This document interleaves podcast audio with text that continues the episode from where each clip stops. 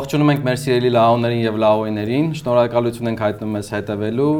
դիտելու, լսելու, կոմենտելու, տարածելու հատուկ շնորհակալություն մեր պատրոններին մեզ ֆինանսապես աջակցելու համար։ Ձեր աջակցությունը շատ կարևոր է մեր պրոյեկտի շարունակականության համար։ Թութութու աճում ենք չենք նվազում, ավելի ակտիվություն ենք ակնկալում պատրոններից այսօրվա թեմաները եւ զրուցակիցը շատ կարեւոր անձինք են մեր համար, թեմաներն էլ շատ կարեւոր։ Իսկ ովա կներկայացնի մեր սիրելի լավ Կարպիսը, Կարպիս։ Որացի անձինք մարդիկ մտածեն մի քանի հոգի։ Ահա, բան արեցի, խառնեցի։ Այսօր կարևոր հյուրերի շարքը շարունակում ենք։ Մեր հյուրը ազգագրագետ Մխիթար Գաբրելյանն է, մեր հարազատ ֆակուլտետի դեկանը, սա է պարոն Գաբրյանը դեմ է որ շեշտադրել, բայց ես կարծում եմ անպայման պետք է շեշտադրել նաև մարդկանց ուշադրությունը ուզում հրավիրել մեր համազգեստներին, այս գույնը ամենևին էլ կապված չի մեծ պահքի կամ զատկի հարության տոնի հետ, իսկ ինչի հետ է կապված եթերում, եթերում արդեն կիմանանք, բնականաբար խոսելու ենք հայոց պատմություն առարկայի հիմնախնդիրներից, հայոց պատմություն թե Հայաստանի պատմություն, նաև գիտենք, որ հիմա Հայաստանը ներկայացված է բուրըն ինչ որ փոփոխությունների շրջափուլի մեջ, այդ փոփոխությունները քննարկվում են։ Ես sense կձևակերպեի փոփոխություններ, որ չգիտենք մեզ ուր են տանում։ Այս վերջերս հայոց պատմության ամբիոնը Երևանի պետական համալսարանի մի բավականին ազդեցիկ հայտարարություն էր տարածել կապված հայոց պատմություն առարկայի անվան փոփոխության հետ մանրամասն հիմնավորված էր թե ինչու պետքա լինի անունը հայոց առարկայի անունը հայոց այլ ոչ թե Հայաստանի ճիշտ հայտարարությունը տարածել էր ամբիոնը բայց այստեղ կար նաև շատ նուրբ հղում դեպի Մխիթար Գաբրելյանը եւ մենք հասկացանք որ այնուամենայնիվ Մխիթար Գաբրելյանի խավորությամբ էր այդ հայտարարությունը որը ես շատ էի հավանել նույնիսկ ուզում էի տարածել իմ Facebook-յան էջին Պարոն Գաբրելյան, սկսենք հենց սրանից, հայոց պատմություն թե Հայաստանի պատմություն։ Շնորհակալ եմ, այդքան շատ կարևորել պետք չէր։ Հայտարարությունը իրականում իմ խավորության խնդիրը չկար, այստեղ կա մոտեցման խնդիր։ Ես կարծում եմ, որ բոլոր դեպքերում այս վերջի, հա, տարիների զարգացումներն էլ հաշվի առնելով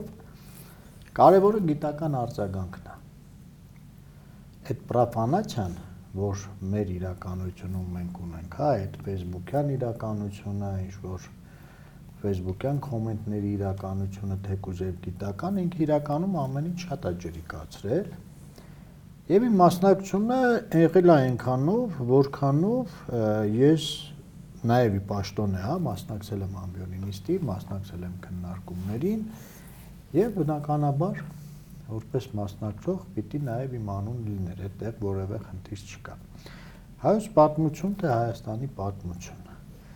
Սրա հետ կապված առաջի հարցը, որ ես կուզեի տալ, իսկ ինչու հիմա։ Որտեւ իրականում մենք պիտի հասկանանք։ Կոնտեքստը շատ կարևոր է։ ինչի հիմա, ինչի ոչ 2 տարի առաջ, ինչի ոչ այն փուլում երբ չափորոշիչների շուրջ աղմուկը կար, պիտի հիշեք, այդ բավականին լուրջ աղմուկ էր։ Եվ վերջապես ինչի ոչ այն ժամանակ, երբ չափորոշիչները հաստատվեցին ու երբ արդեն դրվեց այդ դասագրքերի մրցույթի կամ մրցույթների հայտարարությունը, չէ։ Իմ համար այս փուլում ինքը այդ հարցադրումը մի քիչ տրամաբանությունից դուրս հարցադրում է։ Որտեղ մեծ հաշվով, եթե բովանդակությունը նույնն է մնալու, չէ, կարծեմ նախարարը հենց այդպես էլ հայտարարեց, նույնիսկ վարչապետն է հավել է, որ բովանդակություն չի փոխվելու։ Այդտեղ մենք անունը փոխելով ոչինչ չեն փոխում։ Ասենք ես երկու դպրոցական երեխա ունեմ, կարող եմ մի քիչ կենցաղային օրինակ բերեմ, բայց որպես ազգագրագետ պիտի բերեմ։ Իրանց համար այդ առարկան լինելու է պատը։ Նենց ոնց որ բոլորիս համար, չէ, երբ որ իրանք դասացակը նայում են, չեն ասում հայոց պատմության դաս ունենք այսօր կամ Հայաստանի պատմության դաս ունենք, պետք է ասեն պատմ ունենք ու վերջ անցնի գնա, այսինքն անունը փոխելով, բովանդակությունը նույնը պայելով մենք հարց չենք լուծում։ Այստեղ մի հատ ուրիշ կարևոր խնդիր էլ կա։ Այդ պատմը ինքը մինչև հիմա ինչ հարց է լուծել։ Ու շատ կարևոր է, որ մենք այդ միֆերի տակից դուրս գանք։ Տեսեք, այդ կրթության կարևորությունը ինքը աներկբա է։ Ամբողջ աշխարհում այսօր կրթությունը, կրթության որակը, կրթության բովանդակությունը ինքը ըստ էության ձևավորում է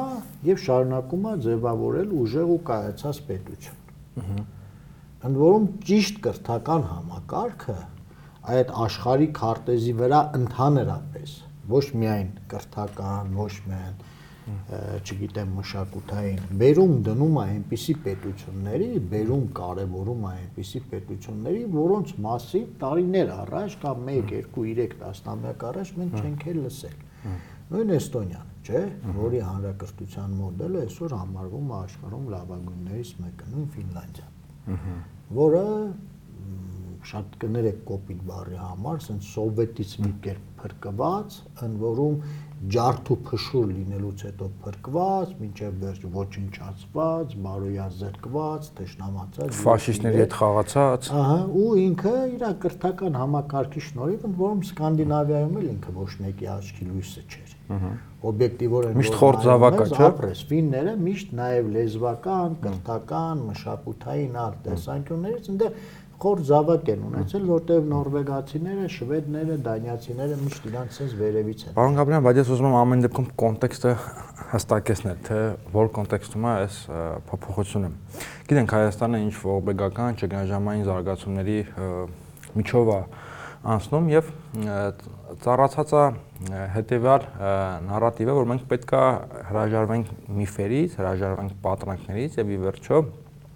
վերացնենք, չեզոքացնենք հայրենիք պետություն հակադրությունը, ֆիքսենք թե որն է կոնկրետ մեր պետությունը եւ ըստ էության իշխանությունը ֆիքսում է, դա 29000 800-ն է եւ հիմա մեծ հաշվով մասից թե արագած, սահմանադրություն, հրճակագիր, այս այս ամեն ինչը տեղավորվում է, ոնց որ այս շարքի մեջ եւ հիմա այս կոնտեքստում ինչ են ասում, ասում են դրա համար հասկանալի չի թե ինչի առարկայի անունը հայոց, եթե երկրի պատմությունն է, պետք է լինի երկրի անունով, ինչպես օրինակ Իտալիայի պատմությունն է, Ֆրանսիայի պատմությունն է, մեծ մեծ Բրիտանիայի պատմությունն է, այսինքն շեշտադրվում է պետականությունը իմ ջարույց ես ասեմ որ սա այդքան էլ նոր բան չի եթե նայենք դեռևս ատելի նախկիների օրոք հրատարակված դասագիրքը 10-րդ դասանի դասագիրքը հայոց պատմության պետականության արհեստական շեշտադրում այնտեղ էլ կա, որովհետև ըստ էության ինչ է անում հեղինակը Արատայից մինչև Բագրատունի ինչ որ արհեստական շարունակականություն է պետականության, նաև Բագրատունից հետո ձևավորում։ Այսինքն այդ միտումը կա, այսինքն անդադ արհեստականորեն ինչ որ պետականության ընկալում կամ հենց պետականություն քաղել պատմությունից հիմա սա ինչ որ հաստատուն տեսք են ուզում բերել։ Ահա, դուք հիմա մեծ շատ կարևոր Երբ դա ամենակարևոր հարցն է, որտեղ դա բովանդակային հարց է։ Ես կարող եմ մի քիչ շատ կոպիտ բան պիտի ասեմ, բայց խնդրում եմ ոչ իմ պատմաբան գործընկերները, ոչ որևէ մեկը չվիրավորվի, որտեղ սա հանձնավորված խնդիր չի։ Մենք պատմության փիլիսոփայություն չունենք։ Մեծ հաշվով ոչ թե ճունենք փորձեր պատմության փիլիսոփայություն ստեղծելու կամ եթե կուզեք անունը դնենք պարադիգմա ըհը որտեղ մենք ունենք օբյեկտիվորեն ուրեմն պատմության փիլիսոփայություն եւ պատմության պարադիգմա ունենալու եւ հնարավորություն եւ շատ լուրջ առավելություններ այդ համատեքստում ինչի մենք ունենք մի մեկնակետ Եվ այդ մեկնակետը ըստ էության ինքը քաղաքակրթական է։ Հասկանում եք, նոնսենս է։ Երբ որ քո պատմությունը ընդ որում այս դեպքում էական չի մենք որտեղից ենք սկսում։ Հայկի եւ Բելի մասին առասպելից ենք սկսում։ Թե սկսում ենք Արտաշես մեծի հա այդ հայտնի բանաձևից, որ միավորեց բոլոր այն հողերը, որտեղ մարդիկ խոսում էին հայերեն։ Հայերեն խոսքը արդեն այս տարածքում Հայաստան կանվանենք թե հայրենի կանվանենք, հա, մեր քաղաքակրթական մեկնակետի չասեմ բացառիկության, բայց յուր օրինակության, յուր օրինակության բանաձևն է։ Այսինքն այս կոնտեքստում ոչ պետությունը պետքա դնել, ոչ պետականությունը պետքա դնել, ոչ էլ պետության եւ պետականության անընդհատությունը պիտի դնել, ես սա որպես ազգագրագետ եմ ասում։ Այս համատեքստում իմ համար կարևորը մշակույթն է։ Մշակույթն է, որտեղ այստեղ այս տարածաշրջանում հայկական լեռնաշխարհ լեռնաշխարհ կասենք պետություն, կասենք ես ունեմ մի շատ կարևոր բան։ Ես ունեմ մշակութային անընդհատություն։ Այդ մշակութային անընդհատությունը երևում է։ Ընդ որում այդ մշակութային անընդհատությունը երևում է նույնիսկ այն ժամանակ, երբ որ դեռ հայկական լեռնաշխարհի տարածքում հայեր չկան։ Ոնց է երևում այդ մշակութային անընդհատությունը։ Ձևավորվում է հայկական լեռնաշխարհի տարածքում հայը, հնագետը ուսումնասիրում է այդ մշակույթը, ազգագրագետը, բանագետը, փիլիսոփան մյուս ուսումնասիրում է հա այդ մշակույթը ու ինքը գնում հասնում է մինչև պատմության, առասպելամտածողության, գոյութենական հիմքերի այն ժամանակահատվածը, երբ հայը դեռ չկա, այդ մշակութային արտեֆակտը կա ու ես որպես այս լեռնաշխարի այս տարածքի քաղաքակրթական հենքի վրա ձևավորված միավոր այնքան հզոր եմ, որ էտել եմ կարողացել վերցնել ու ինտեգրել։ Այդ տեսանկյունից երբ որ նայում ենք խնդրին, հա, հասկանում ես, հայոց Հայաստանը ինքը դառնում է երկրորդական։ Շատ երկար ժամանակ մենք այդ քննարկումը ունեցել ենք, ես ինձ երբեք իրավունք չեմ վերապահել դիրքավորվել որպես հայոց պատմության մասնագետ, եւ դպրոցական դասագրքերի մասով չընդհանրապես, երբ որ մտածում ենք իսկ ինչպես կարելի է այդ ալտերնատիվ ձևակերպումը տալ, պատմություն, քանի որ մենք ստեղ էլի եմ ասում, պարադիգմայի խնդիր ունենք։ Իրականում խնդիրը, որ ձևակերպվում է եւ իշխանության կողմից, եւ ընդդիմության կողմից, չգիտեմ, եւ դրական, եւ բացասական կողմերով ինքը մի քիչ ավելի լայն է։ Մենք այստեղ խնդիր ունենք պատմության բովանդակության։ Ինչի կա հայոց ու Հայաստանի խնդիրը։ Որտեւ մեր մշակույթը մեր ինքնութենական խնդիրը, որը մեր անընդհատ գոյության ամենակարևոր բանաձևն է, ինքը պատմությունում բավարար չափով ինտեգրված չի բավարար չափով ինտեգրված չի։ Ինտի ինչի ինտեգրված չի, որտեղ մարքսիստական պատմագիտությունը եւ խորհրդային շրջանի պատմագիտությունը, որի բացասական ազդեցությունները մենք դեռ չենք հաղթահարել։ Ինքը չէր կարա ինտեգրեր։ Ոնց կարար դրվեր խնդիրը այդ տեսանկյունից մշակույթը, ինքնությունը, պատմության հարացույց ինտեգրելու, երբ որ դա անելու պարագային շատ կոպիտ եմ ասում, բայց այդ մարքսիստական գաղափարաբանության ամբողջ հիմքը փլուզվում էր։ Որտեղ այդ դնելու պարագային, երբ ընդ որում սա մենակ մեզ չի վերաբերում, մեր եւ այս տարածաշրջանում վրացիների, հա, քաղաքակրթական անընդհատ նաև վրացիների դեպքում իրողությունը արձանագրելով դու արձանագրում ես նաև որ սովետական միությունը ֆեյք պետություն է ինքը ֆեյք է մենակ այդ անելով որտեղ մնացյալ բոլոր գործողությունները ֆեյք են ադրբեջանցիներին պատմություն տալը արեստական ոչ թե որ պատմություն չունեին այլ արեստական երկար պատմություն տալը, չգիտեմ, ղազախներին, ղրղզներին, բանին, այսինքն այդ fake կոնստրուկտի մեջ բոլորին բերում տեղավորում են։ Իսկ դա պետք չէր որ այդ քաղաքակրթական անընդհատությունները բան։ Հիմա մի ուրիշ էլի դուք շատ կարևոր դիտարկում արեցիք, մի ուրիշ խնդիր էլ կա։ Միֆերը իրանք հումանիտար ոլորտի ներկայացուցիչներ են, փայլուն գիտենք։ Իրանք մի հոգու կողմից չեն ստեղծվում։ Եվ իրանք չեն կարող մի հոգու կողմից դուրս մղել մենք ինչ որ սկսել ենք գերագնահատել այ այդ իրավիճակը բայց սա խոսում է մեր սոցիալական վախերի մասին Ռոլան Բարտ ասում է մենք չենք կարող հաղթել մի ֆիլմ, մենք կարող ենք հասկանալ վերջ Վերջ։ Այսինքն ստե ոչ միֆը փշրելու, ոչ միֆը դուրս մեղելու հնարավորություն էլ ոչ մեկը չունի, հասկանում եք։ Այստեղ խնդիրը անհատին էլ չի վերաբերում, ոչ մեկը չունի ամենաիմպերատիվ կատեգորիկ մտածողություն ունեցող սովետական միությունը եթե չկարողացավ այդ միֆը դուրս մղել մտածել որ այսօր ինչ որ մեկը կամ ինչ որ մի համակարգ դա ես տեն չեմ մտածում դրա համար ես չունեմ մտավախություն ես չունեմ եւ հետո ստեղ մի հատ ուրիշ կարևոր խնդիր էլ կա մենք նայ շարունակում ենք կրթությունը գերագնահատել հասկանում եք մեզ թվում է որ այսօր դպրոցը հանրակրթությունը այնքան կարևոր ազդեցություն ունի 14-15 տարեկան երեխա վրա, տեն չի։ Թքած ունեն, չէ՞, 14, 15, 11, 12 տարեկան երեխան զզվում է մի հիմնական մասով դպրոցից էլ, կրթությունից էլ, դասի գնալուց էլ, առավոտ 8-ին զարթնելուց էլ, դպրոցում բուֆետ չունենալուց էլ, ամեն ինչից էլ։ Իր կյանքը, իր օբյեկտիվ իրականությունը, իր միջավայրը ընկերնա, չէ՞ խաղը նա, մյուսն է, մյուսն է, այսօր մի հոգի, մի խելոք մարդ, եթե կարողանա մի սիրուն խաղ սարքի ծովից ծով Հայաստանի մասին, սիրուն խաղ, այն ոնց են երեխեքը լիքը մի բաներ կան, չէ, խաղեր կան։ Այդ Տիգրան մեծի ծովից ծով Հայաստանի մասին մի հատ միջին վիճակագրական խաղը այսօր։ Իդեպ ասեմ 10000-ක් միֆ է ստեղծելու, որտեվ այդ միֆերը մեր մեջ են այդ միֆը իմ երեխեն մարդուն չեն կարա փոխենք։ Մեկ այդ ծածուկ պաշտամունքները, որ եղել են դեռ սովետի։ Դա ծածուկ չի, Կարպիչ ջան, հեչ էլ ծածուկ չի։ Օրինակ տունը անրանիկի նկար պահել, չգիտեմ, այդ Բալա իմ հոր նկարը, իմ հանգուցյալ հոր նկարը մեր տամ պատին փակցված է։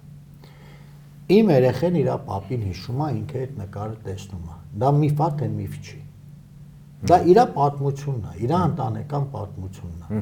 երեխեն իր papi, իր տատի հետ ապրում է, չէ՞։ Ու մեր բոլորի մանկության, հատկապես տղա երեխեքի երևի քո գորի մանկության այդ մանկական տարիքի ամենաքաղցր հուշերը անկախ նրանից քաղաքում են կապվում, գյուղում են կապվում, ինչ են կանում, կապվում են մեր տատիկների հետ, չէ՞։ Դա մի բան է, որը մենք մեր մեր բաժին միֆը երկրորդի, երրորդի, չորրորդի մեր մանկությունն է Մեր մանկության միջի մեր տատիկն է, մեր պապիկն է, գյուղն է, հաց ու պանրով բրտուճն է։ Հիմա դա ո՞նց պիտի հանել։ Ուղղակի դա ես չէի ուզի ասեի թակար դա։ Դա մի մանիպուլյացիա է, որին մեծ հաճույքով ցավոք սրտի, հա, եւ իշխանությունն է գնում եւ ընդդիմությունն է տրվում։ Իրականում ոչ միֆերի դեմ պայքար ոչ հանուն միֆերի պայքարա։ Իրականում դա պայքարա միֆերի միջոցով քաղաքական դաշտում, քաղաքական դաշտում կարևորությունը ցույց դնելու քաղաքական դաշտում դերակատարում ապահովելու, որտեվ եկեք անկեղծ ելնենք, էլի, եթե ինչև վերջ անկեղծ ելնենք, նեն չի որ ինչև այսօր ես դեմ եմ այդ տիպի մանիպուլյացիաներին, անկեղծ ասեմ։ Դրանք ինձ հետաքրքիրել չեն, որտեվ ես չեմ գտնում, որ դրանք իրականում ունեն այն ուժը ազդեցության, որ իրենց վերագրվում է։ Բայց հենց եկեք անկեղծ լինենք ու իսկ այս իսկ այդ միֆերը մինչև այս խոսակցությունները կարևոր են։ Այս խոսակցություններից հետո էլ երևի որ նստան Չէ, կարևոր է։ Իսկ մի մի հարց տամ էլի, այդ տեսեք մեր մեր գիտության հայերից մեկը Ռանկեն ժամանակին որ կարդում էի բանը, դե ինքը կաթոլիկ եկեղեցու պատմություն շարք ուներ, այնտեղ ասում էր, որ պատման գիտությունը գոնե ինքը որ հասկանում էր իր չափով ու ճարտարապետությունը ինքը դրանք էր համատում ասում էին ասում էր պետական գիտություններ են դրանք պետության պետության գիտություններ են այսինքն իրանք չեն կարող չլինել առանց պետության կամ պետությունն է իրանք ստեղծում երևի ռանկեն դա նկատներ իմ ասածը տեսեք որն է երբ որ ներկայիս իշխանությունները պետության անունից խոսում են պետության պատմության մասին, հա, նույնիսկ շեշտադրում են, որ հիմա, չգիտեմ, այսօրվանից ինչ որ հրաշքով ընդ որում ընդգծելով որ բովանդակությունը չի փոխվելու, հատուկ, թե նախարարը, թե վարչապետը, որ բովանդակությունը չի փոխվելու, ասում են, որ մինչև էս եղել է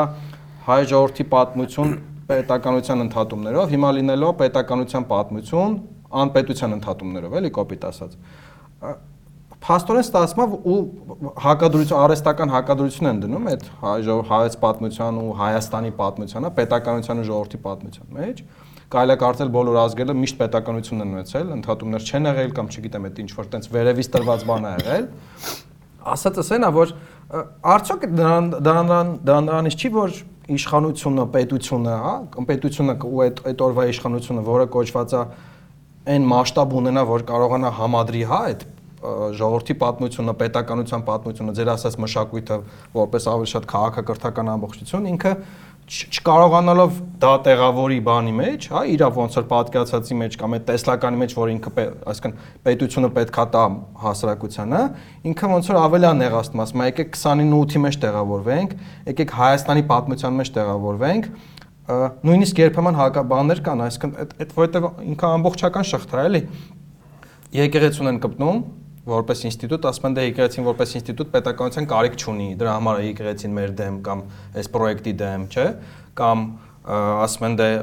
եթե մենք չասենք Հայաստանի պատմություն, դպրոցներում չլինի Հայաստանի պատմություն, մարդիկ այտենց կոպիտ ասած կասկաբրոնիկ չեն, կասկաբրոնիկ չեն վերցնի, չեն գնա պատրաստում պաշտպանելու։ Էլի վերջի վերջը այս Հայաստանի պատմության սախ միտքը որն է, որ չգիտեմ, Հայաստան ներկայիս Հայաստանը ունի էգզիստենցիալ խնդիրներ,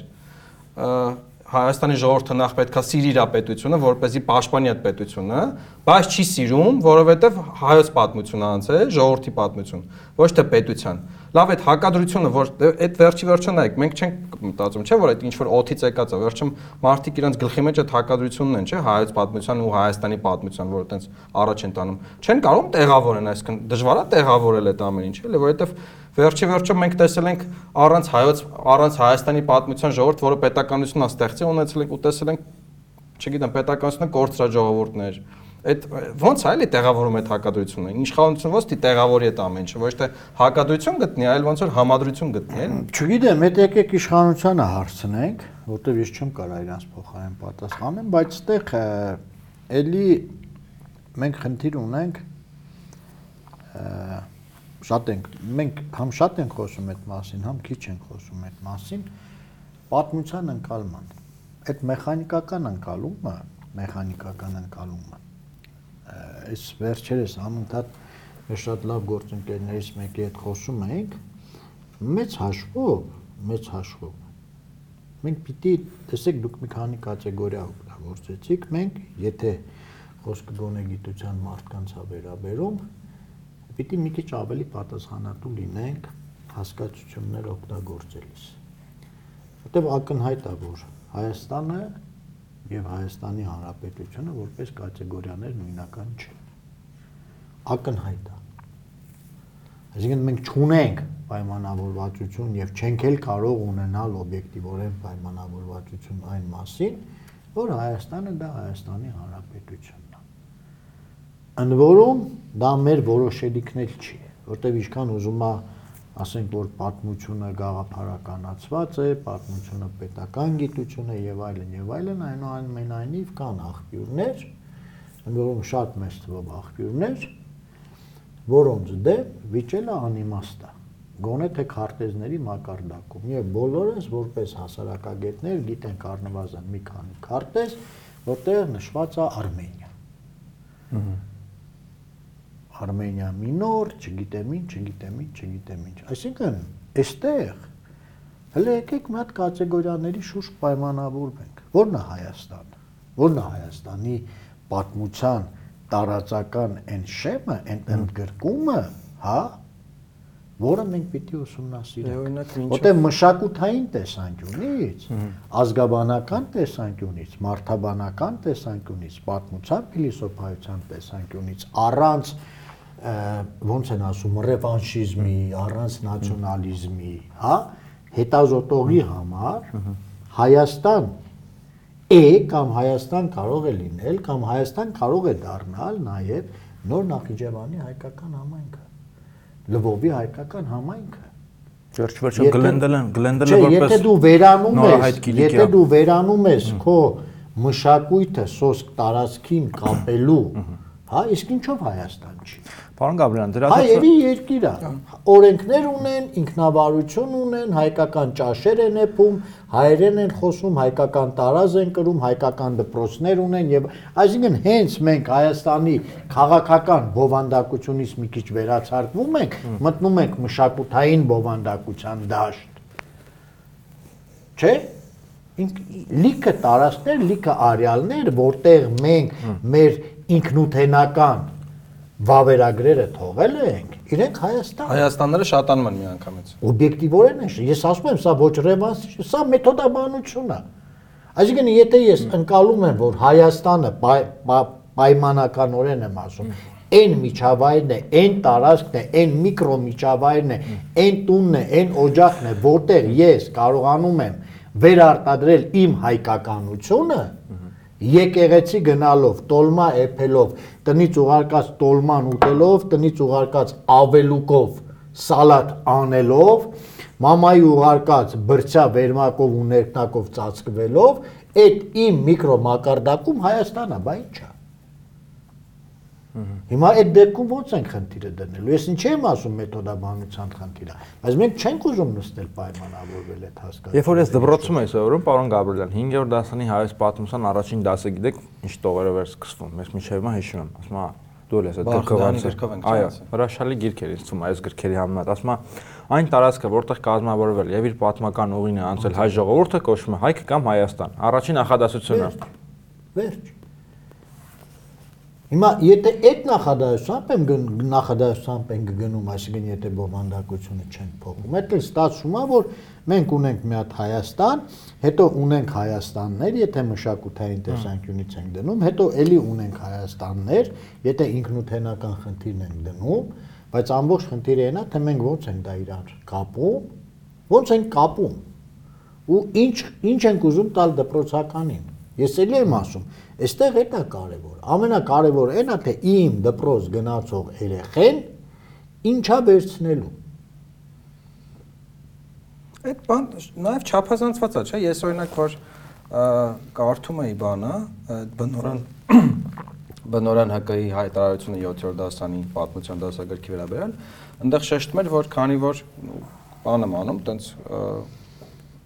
տարածի չեմ հղում, որ քանի որ տենց ազգային արժեքներին, ազգային դիմագծի հետ կա- կարողություն ունեցող կետերին հատուկ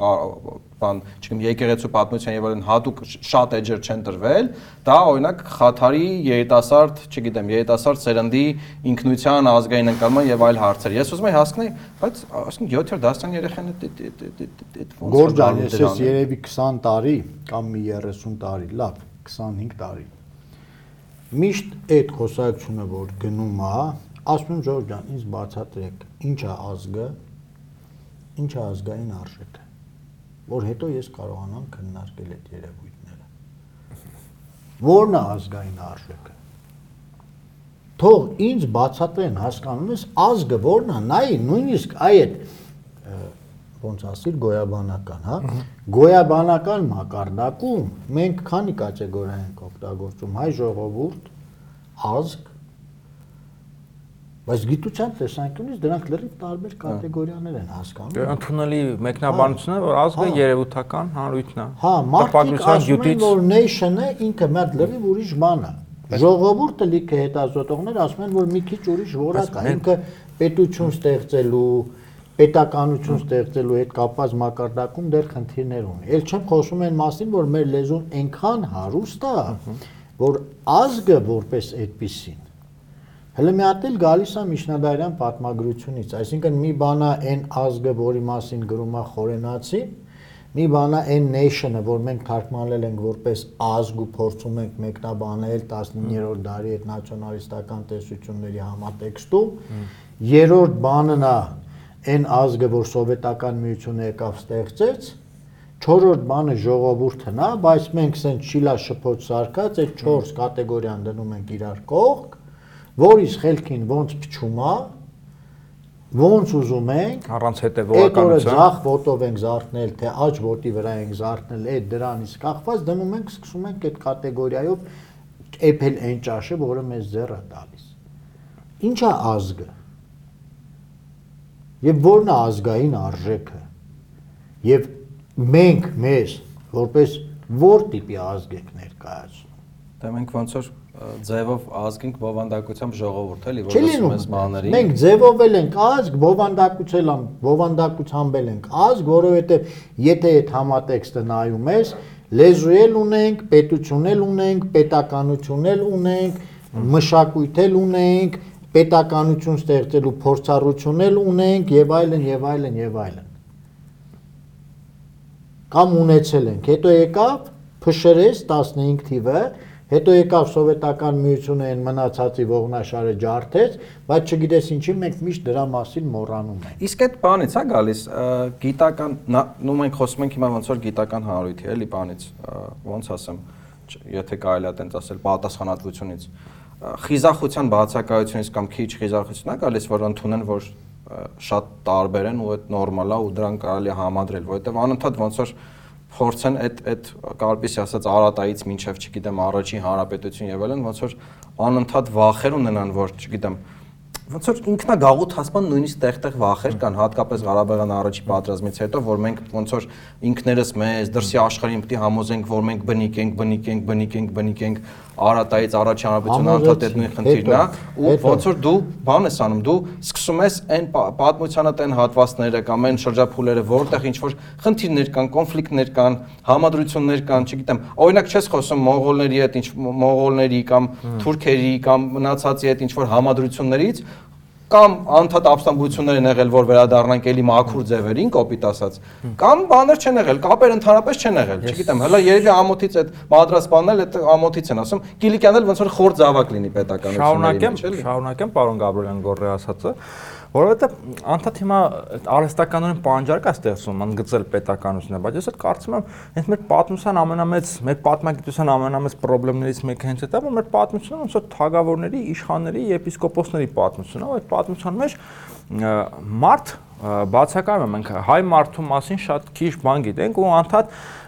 հայ մարդը դիտարկում ենք որպես ինչ-որ մատ կարծրացած հուշարձան, որը երբեք չի փոխվում։ Միշնադարի հայը ինչպիսին էր, Կիլիկյան հայը, որ արդեն գնաց ծովափ, ը, ինչպիսին էր, չգիտեմ, այն հյուսային Հայաստանի, այսինքն այս այս հիմնախնդիրները բացակայում են ու այդ պետականության այդ արհեստական անհրաժեշտությունն է բանանում ու նույնիսկ բան ծայրահեղությունը հասել է այնտեղ, որ արհեստականորեն, չգիտեմ, ուռճացվում է Բագրատունյաց ը, Հայաստանի կարգավիճակը, չգիտեմ, եւ ամաչում են ասեն, որ խալիֆայությանը հարկ էր վճարում։ Օրինակ ամաչում են խոսան, թե ինչ իրական բնույթ ուներ, չգիտեմ, հայ-մոնղոլական դաշինքը, չգիտեմ, եթե դրա մասին ավելի པարզ խոսան, ինձ թվում է երեխեքին ավելի հետաքրքիր կսովորեն, չգիտեմ, վախենում են այդ միջնադարի այդ տերմիններից, վասալ եւ այլն, չգիտեմ, վախենում են ասեն, որ չգիտեմ, սելջուկներից վասալական կախվածություն ա եղել։ Այսինքն այս կարծրատիպերը ը, սպանում են ու կա այդ արհեստական բանը, էլի, այդ անհրաժեշտությունների բանը, ու մեկ էլ մի բան էլի դուք ինձ թվում է որպես ազգագրագետ բո- ը, բոլորից ը, լավ կիմանաք որ պետականության այդ արհեստական պաշտամունքը պետականության պետականության այդ սակրալ կարգավիճակ շնորհելը դա ը, հիմք է պետությունը որպես բռնության գործիք դարձնելու համար դա վտանգավոր բան է Այստեղ երևի թե կարող է այստենց մի քիչ բան չանեմ, բայց մենք գործ ունենք միֆի հետ։ միֆի Մեծ հաշվով մեր մշակույթը ինքը դա ոչ լավա, ոչ վատա, դա իրականություն է։ Ինքը մասկուլին մշակույթ է։ հա Ցանկացած ընտանիքում կինը ում ամուսինը օր 3 անգամ ծեծում է, ով միշտ կապտուկներով է, ով շատ վատն է, ով փող չի բերում, ով վերջի կոպեկ առնում տանում լակում է, որպես կանոն 10-ից 8 դեպքերում այդ ամուսնում պաշտպանում է։ Որպես կանոն Ստոկհոլմյան սինդրոմը էլի համարյա։ Որպես կանոն, ընդ որում հիմա եթե մենք նայենք մեր սենց շրջապատը, եթե մենք նայենք մեր իրականությունը, մենք դա կտեսնենք։ Մենք դա կտեսնենք ամեն քայլափոխ։ պատմությունն է այդպեսին թե պատմության մեկնաբանությունն է այդպեսին Պատմության ընկալումն է այդպեսին։ որտեղ Նայեք, մեծ մամաների ինստիտուտ կա չէ նայեք, ինչի է պաշտպանում ինքը։ Ինչի է պաշտպանում։ որտեղ ինքն էլ է թշվառ Որովհետև իր լեգիտիմությունը ամուսնուց է գալիս։ որտեվ այ մասամբ, այո, որտեվ ինքը այդ մասկուլին մշակույթում, մասկուլին մշակույթում, հա, կրթության, դաստիարակության, շրջապատի ազդեցության եւ այլ իրողությունների արդյունքում ունի իրեն վերագրված մի շատ որոշակի շատ կայուն գործառույթ։ Մի կենցաղային օրինակ բերեմ, ամեն ինչ པարզ կդառնա։ Չգիտեմ նկատել եք թե չէ, բայց վերջին տարիներին ես որպես ազգագրագետ եմ ասում, հայկական շատ գյուղերում, հատկապես այն գյուղերում, որտեղից արտագնա աշխատանքի մեկնող տղամարդկանց թիվը բավականին մեծ է, Հասկա Սևանի ավազան Շիրակ կանայք սկսել են մեքենա վարել, ում որում բավականին շատ են այդ գյուղերում մեքենա վարող կանայք։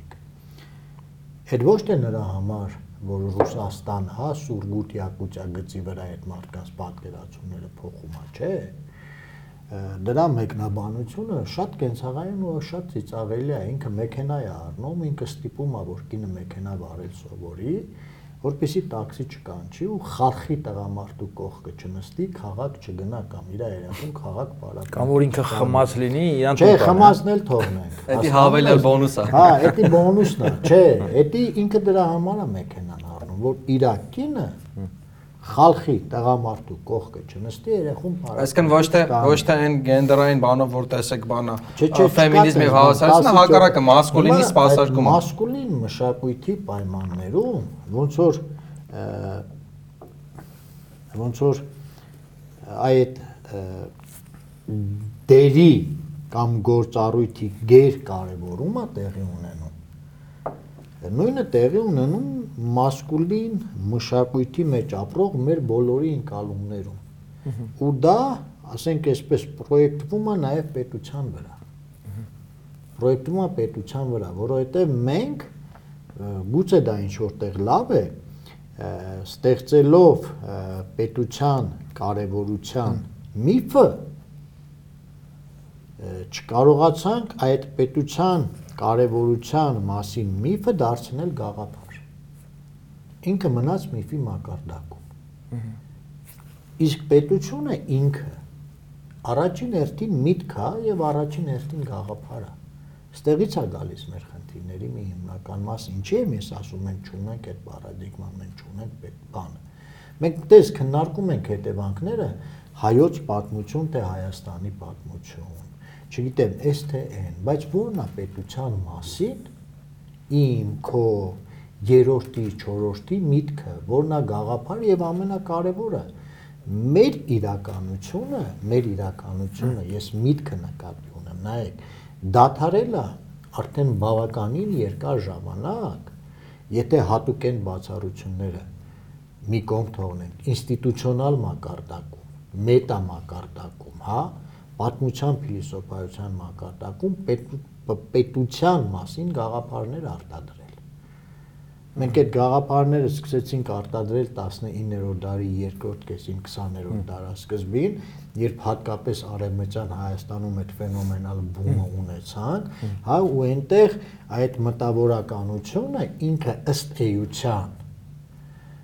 կրթության, մտքի, պետության մասին գաղափարի հստակ պատկերացման արդյունքում բերեց, հասունացրեց այն, որ ինչ որ մի փուլում մենք արդեն այդ պետությունը պետք է ունենայինք որպես արար, որպես գործողություն, որտեղ գաղափարը ստեղ կար։ Դա նաև այդ առումով էլ մենք մեր պատմության շատ դրվագներ բավարար չափով չենք ներկայացնում, դա նաև քաղաքական կուսակցությունների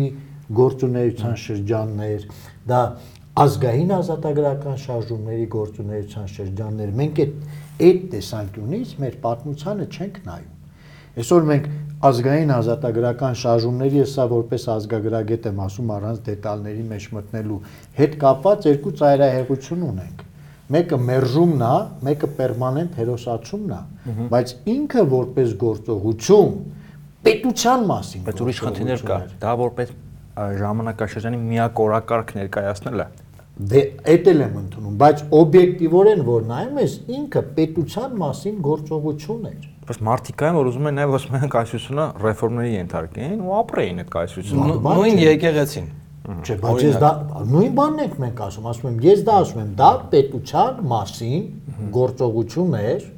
պետության մասին։ Եվ այդ պետության մասին գործողության համատեքստում մի հատվածը այդ պետության մասին մտածողների ճանապարհը տեսնում էր Օսմանյան Թուրքիայի փլուզումը եւ անկախ պետությունը պետության մասին գաղափար ունեցող մի հատվածը տեսնում էր ռեֆորմների արդյունքում Օսմանյան Թուրքիայում ապրելու, բայց դա շարժումը մոդելը պետության մասին է։ պետության մասին էր։ Եթե չեմ սխալվում, այս հայոց պատմության նոր ութաթորյակում հեղինակները Սիմոն Վերացյանին հակապետականության մեջ են մեղադրում։ Ընդ վերջին պահերին Մի Քեմալականների հետ համագործակցելու համար։ Պարոն Գաբրիելյան, ես օրինակ շատ եմ տեսնում մեդիայում, թե անհատների, թե ինչ որ հասարակական խմբերի, ընդդիմության, իշխանության բոլորի ինչ որ բաներում, հայտարարություններում, գործողություններում, կոչերում ու դա կոչվում ոնց որ հայնակ հայնակցական միություն եմ անում։ Այսինքն, երբ որ կա պետական ստրուկտուրա, որը օրինակ չի աշխատում, կամ պետությունը ունի ինստիտուտներ, որոնք, չգիտեմ, մարած են, հանգած են, թույլ են, բայց մեկ-մեկ նայում ես, որ այսինքն պաշտոնյանները, ընդդիմադիրները սովորական մարտիկանից են իրաց, պամունից են իրաց խոսում, կարծես մենք պետություն չունենք ու շա- շարունակում են հայնակցական միություն մնալ, էլի, այսինքն չգիտեմ, ինչ որ բարերարների արձաններ կարող դրվեն, պատրաստ բանակ ինստիտուտ թողած փոխանակ մտածես բանակը ռեֆորմացնելու մասին, նախարարներ նույնիսկ, որոնք ի պաշտոն է պետք է ոնց որ պետության ինստիտուտի ներկայացուցիչներ լինեն, կարող է գնան ինչ որ կամավորական բաներով զբաղվեն, որը էլի կարևոր է, բայց ոնց որ գործող ինստիտուտ կա, էլի վերջորդ երբ որ անդադ խոսում ենք պետության մասին, պետականության մասին, դա ինստիտուտի մասին է, էլի, որ որովհետև ցանկացած պատրաստի դեպքում առաջինը ոնց որ կանոնավոր բանակն է դրան գնալու, հետո կամավորները թե կգնան, կգնան, վերջորջը կամավորություն լավա որ կամավորությունն է, վատենա, որ էլի կամավորությունն է, այսինքն կռևելի չէ թան, էլի։ Ու ինչի՞ց է գա, ու որովհետև կհիշեք Մանթաշյանի արձանն էին դրել հերոսացնելով բարերարություն անել պետության մեջ, այսինքն սոցիալական խնդիրներ ունենալով, կամ ինչ որ կարողա տեսնես բանը պետական մակարդակով ինչ որ փողի հանգանակությունը արվում Սփյուռքում, հաջորդ օրը էլի Սփյուռքին ասում են դե դու սուս մնա, որովհետև Հայաստանի բան չես, կամ օրինակ չգիտեմ, կարող անդադ կարող խոսվի, որ Սփյուռքն էլ պետքա հատկապես Սփյուռքից է դելին, որ Սփյուռքն էլ պետքա մասնակցի Հայաստանի կառավարմանը, նույնիսկ առաջարկներ կար երբ բարակ պարլամենտի, չէ, բայց օրինակ ոչ մեկ չի ասում, որ իրականում քաղաքացիությունը ու պետականությունը նրան փորձառության մասն է նախ եւ առաջ մարդկանց այսինքն կոպիտ ասած այդ 29800-ում ապրեն, հարկ տան, ամեն օր նույն փողոցներով գնալ գան, էլի։ Այդ ո՞նց է լինում, որ նախ պետ կոպիտ ասած նախ պետությունը կա, գործող պետությունը կա իր ամբողջ թերություններով, ինստիտուտներ կան, բայց այդ ինստիտուտները ոնց որ վերաֆորմատավորելու, աշխատացնելու փոխարեն նայում ես հայրենակցական միության լոգիկավ են մարդիկ, թե շարժում, թե խոսում ու երբ որ հարց ես տալի, որ ես ինչ եք անում, ես հայրենակցական միություն չի, վերջը պետություն ենք, նույնիսկ խնդիրը չեն ընկալում։ Իսկ ինչի պիտի ընկալեն։ Դե Չէ, ես ուզում եմ հասկանալ ինչի պիտի ընկալեն։ Մենք պայմանավորվեցինք, չէ՞ մոտավորապես, որ պետության մասինը չկա։ Հիմա եթե գաղափարը չկա, գաղափարի շուրջ ո՞նց կարելի է պայմանավորվել։ Իսկ այդ նրանից է որ պետությունը բացակայել է տևական ժամանակ, հիմա էլ է դա դա նրանից է, որ պետություն, չէ, էդ էլ է միֆ։ Նայ, մենք էլի ստեղ ժամանակի, փիլիսոփայական ժամանակի, սոցիալական ժամանակի խնդիր ունենք, էլի։ Հասկանում եք, իսկ ով կա այսօր երկրագնդի վրա բացառությամբ մի քանի դեպքի, հա, որ հազարամյակների անընդհատ պետականություն է ունեցել։ Ո՞վ է։ Հույները երբ վերականգնեցին իրանց անկախությունը, բուլղարացիները երբ վերականգնեցին։ Մեծ Բրիտանիան ու Ֆրանսիան Հա, մեծ Բրիտանիան ու Ֆրանսիան երբ Այնց որ պետություն վերջնաց ոչ մեկ։ Այսինքն նայ, չէ, դե դա չէ օբյեկտիվ իրականությունը։ Մենք ասում ենք, մենք հազարամյակներով պետականություն չենք ունեցել։ Այդ իտալացիների հետ կապված դասական արտահայտությունը կա, չէ, ասում եմ մենք ստեղծեցինք Իտալիան, մնում է ստեղծել իտալացիները։ Դամություն, հա։ Հա։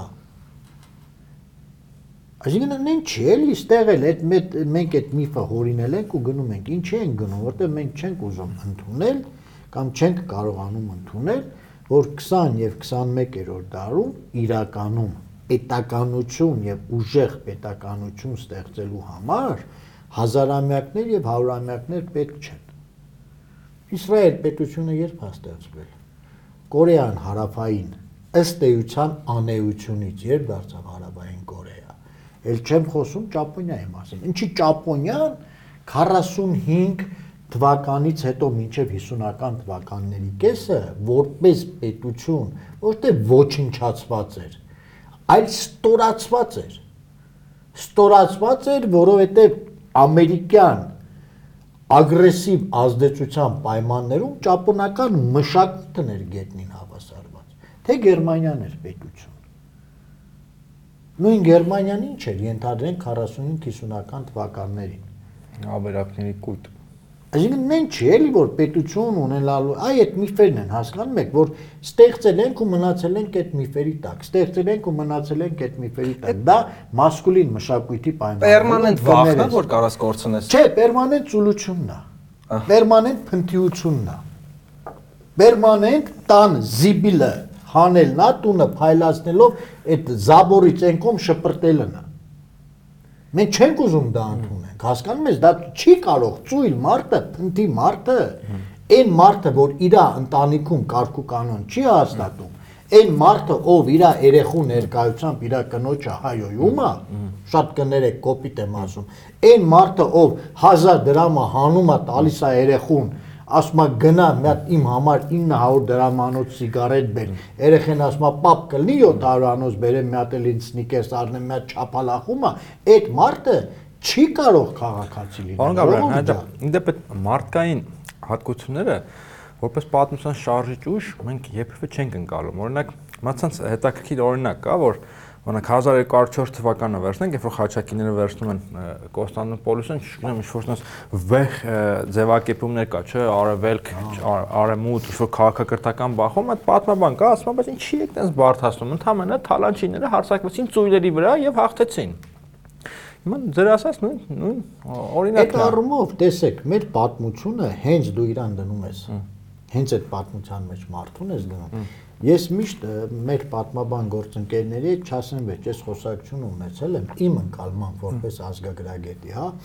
Մեր հայոց պատմության դասագրքերի ամենամեծ խնդիրներից մեկը այն է, որ այդ դասագրքերը միշտ գրել են միայն պատմաբանները։ Բուհական դասագրքերի համահեղինակների մեջ հնագետ չկա, ազգագրագետ չկա, փիլիսոփա չկա, հոգեբան չկա, հա, մշակութաբան չկա։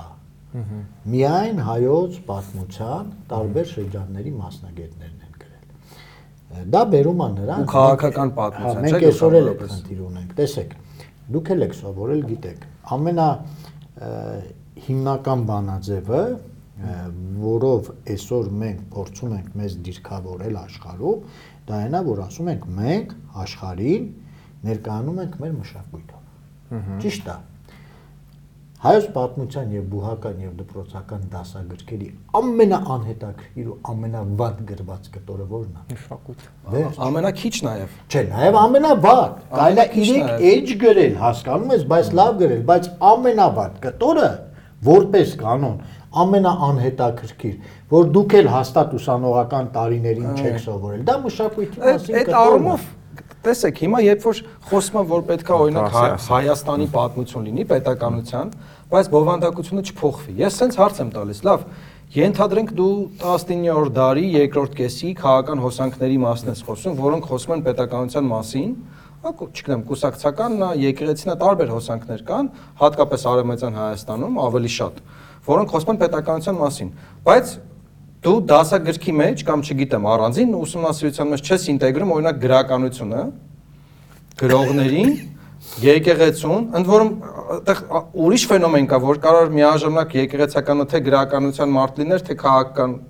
քաղաքական ինչ-որ ֆունկցիաներ ունենար, մա այդ ժամանակ շատ խառն է, էլի։ Այսինքն այդ ինտեգրացիան մեր դասագրքում, նույն բուհական դասագրքում չկա, դպրոցական դասագրքում չկա, այդ սոցիալական պատմության, մշակութային պատմության, քաղաքական պատմության ինտեգրացիան չկա, այսինքն առանձին առանձին ես ասում, էլի, ոնց որ կա- կարելի է մտածել դաշնակցությունը օրինակ կամ հնչակյան կուսակցությունը կամ մնացակ կուսակցությունը առանձին իրենց կյանքով էին ապրում, եկեղեցին առանձին իր կյանքով էր ապրում, Իսկ հայ գեղջուկը սպասում էր փրկության, այտենց էլ գրում էին, չէ՞ խոսքի չի, կամ ապստամբում էր երբեմն, եթե գնում էին իրան ապստամբացնում էին, ու դու նայում ես, որ այդ ոնց ասեմ, այդ սիներգիան չկար էլ, այդ ընդհանրությունը, ու մինչև հիմա էլ այտենց է գրում, այդ պատմաբանների որակից է գալիս։ Չէ։ Ինստիտուտների որակից է գալիս, իրար հետ չեն աշխատում, չեն շփվում վերջի վերջո, չգիտեմ։ Դա էտել է բնականաբար, տեսեք, շատ ես մանրամասները չգիտեմ, բայց այդ նույն քարահատորյակի հետ կապված, որ ուտ գրքով հրատարակվեց, ինչքան ես տեղյակ եմ, ամենալուրջ խնդիրը առաջի հատորի հրատարակության հետ է։ Արդեն լուծել են խնդիրը։ Հա, արդեն լուծել են, բայց տարիներ շարունակ, չգիտեմ ոնց են լուծել, բայց գոնե ես քանի որ այդ դաշտում եմ, գիտեմ որ պատմության ինստիտուտի եւ հնագիտության ու ազգագրության ինստիտուտի գործընկերների միջև անընդհատ այդ շարունակվող բանավեճը կար։ Ա, Հիմա նայեք, դա գալիս է նրանից, դա գալիս է նրանից, որ մենք այստեղ իրականում էլի պատմության մասին պատկերացման խնդիր ունենք։ Մարդը ինքը երբ պատմությունը դարձավ գունավոր,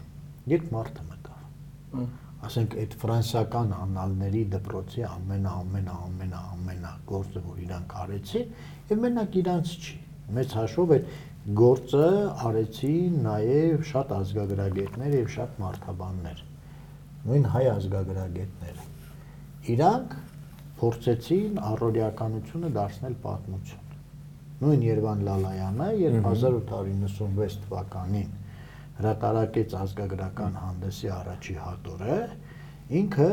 այս վերջերս էլ եմ խոսել, մի շատ կարևոր բան արեց։ Ինքը նյութերը գրառելով, նյութերը հրատարակելով, նյութերը ինվերելով ցույց տվեց, որ սովորական գեղջուկի պատմությունը տոնը նշելը, ինչ որ ծիսակատարություն անելը, բարեկենթան նշելը, երեխա ունենալը, երեխա մկրտելը եւ այլն եւ այլն, նույնքան կարեւոր է, որքան իշխանական տների որքան պատմություն։ իշխանական տների պատմությունը։ Ախր այդ տեսանկյունից որ նայում ենք, նույն ամոթխածությունը, ասենք այսպես պատմության հանդեպ ամոթխած վերաբերմունքը բերել է նրան, որ շատ դեպքերում մենք իշխանական տների ամբողջական պատմությունն էլ չունենք։ Մենք ունենք ռազմիկ իշխանի պատմություն, մենք ունենք նահատակ իշխանի պատմություն, բայց հենց այդ արանքում մի հատ մարդկային ոչ դրական, ոչ բացասական, հա, էպիզոդ է մտնում, ամեն ինչ խառնվում է իրար, զոր օրինակ փառանձեմը։ Չէ, հենց այդ կնոջ կերպարը զուտ իր կանացի ցանկություններով էլի վերանում ենք ամեն ինչից հայտնվում է պատմության մեջ միանգամից գնում է պիտակավորումը բարոյականության ու անբարոյականության համատեքստում միանգամից գնում է այսինքն հենց մարդը մարդկային պատումը մարդկային խոսույթը մտնում է պատմություն մենք սկսում ենք վախենալ որտեվ էլի այդ մասկուլինության խնդիրն է այնպես ինչպես մենք չենք ուզում ընտանիքում քննարկել, քննադատել մեր ծնողին, մեր հորը, նույն կերպ այդ միֆը պատմության եւ պատմության մասին մենք չենք ուզում որ որևէ կերպ ենթարկվի ձևափոխության բայց դա էլ բերում է նրան բերում է նրան որ այդ իր միֆի տակ մնալով իրականում մենք շատ ավելի կարևոր խնդիրներ չենք լուծում մենք մեր պատմությունը մեր մշակույթը ճանաչելու խնդիրը չենք լուծել Խնդիրը չենք խնդիրը նույնիսկ խնդրին լեգիտիմություն չենք տալի։ Մենք այսինքն չենք խոսում այդ խնդրի մասին, որ մի հատ է լուծենք, էլի անընդհատ ոնց որ ունեցել եմ Սպարտակի մոտ Սեյրանյան, երբ որ խոսում ենք, ես միշտ ասում եմ, օրինակ դու շատ կարևոր բան ասեցիր, գորնել, երբ սկսվեցին մեր խնդիրները։ Երբ մենք օտարվեցինք մեր մշակութային, չեմ ուզում ասել կոտ, բայց մեր մշակույթից որպես համակարգ, որտեվ այնքան ժամանակ, քանի դեռ մեր մշակույթը բաց էր որպես համակարգ, մենք հզոր էինք, մենք խնդիր չունենք։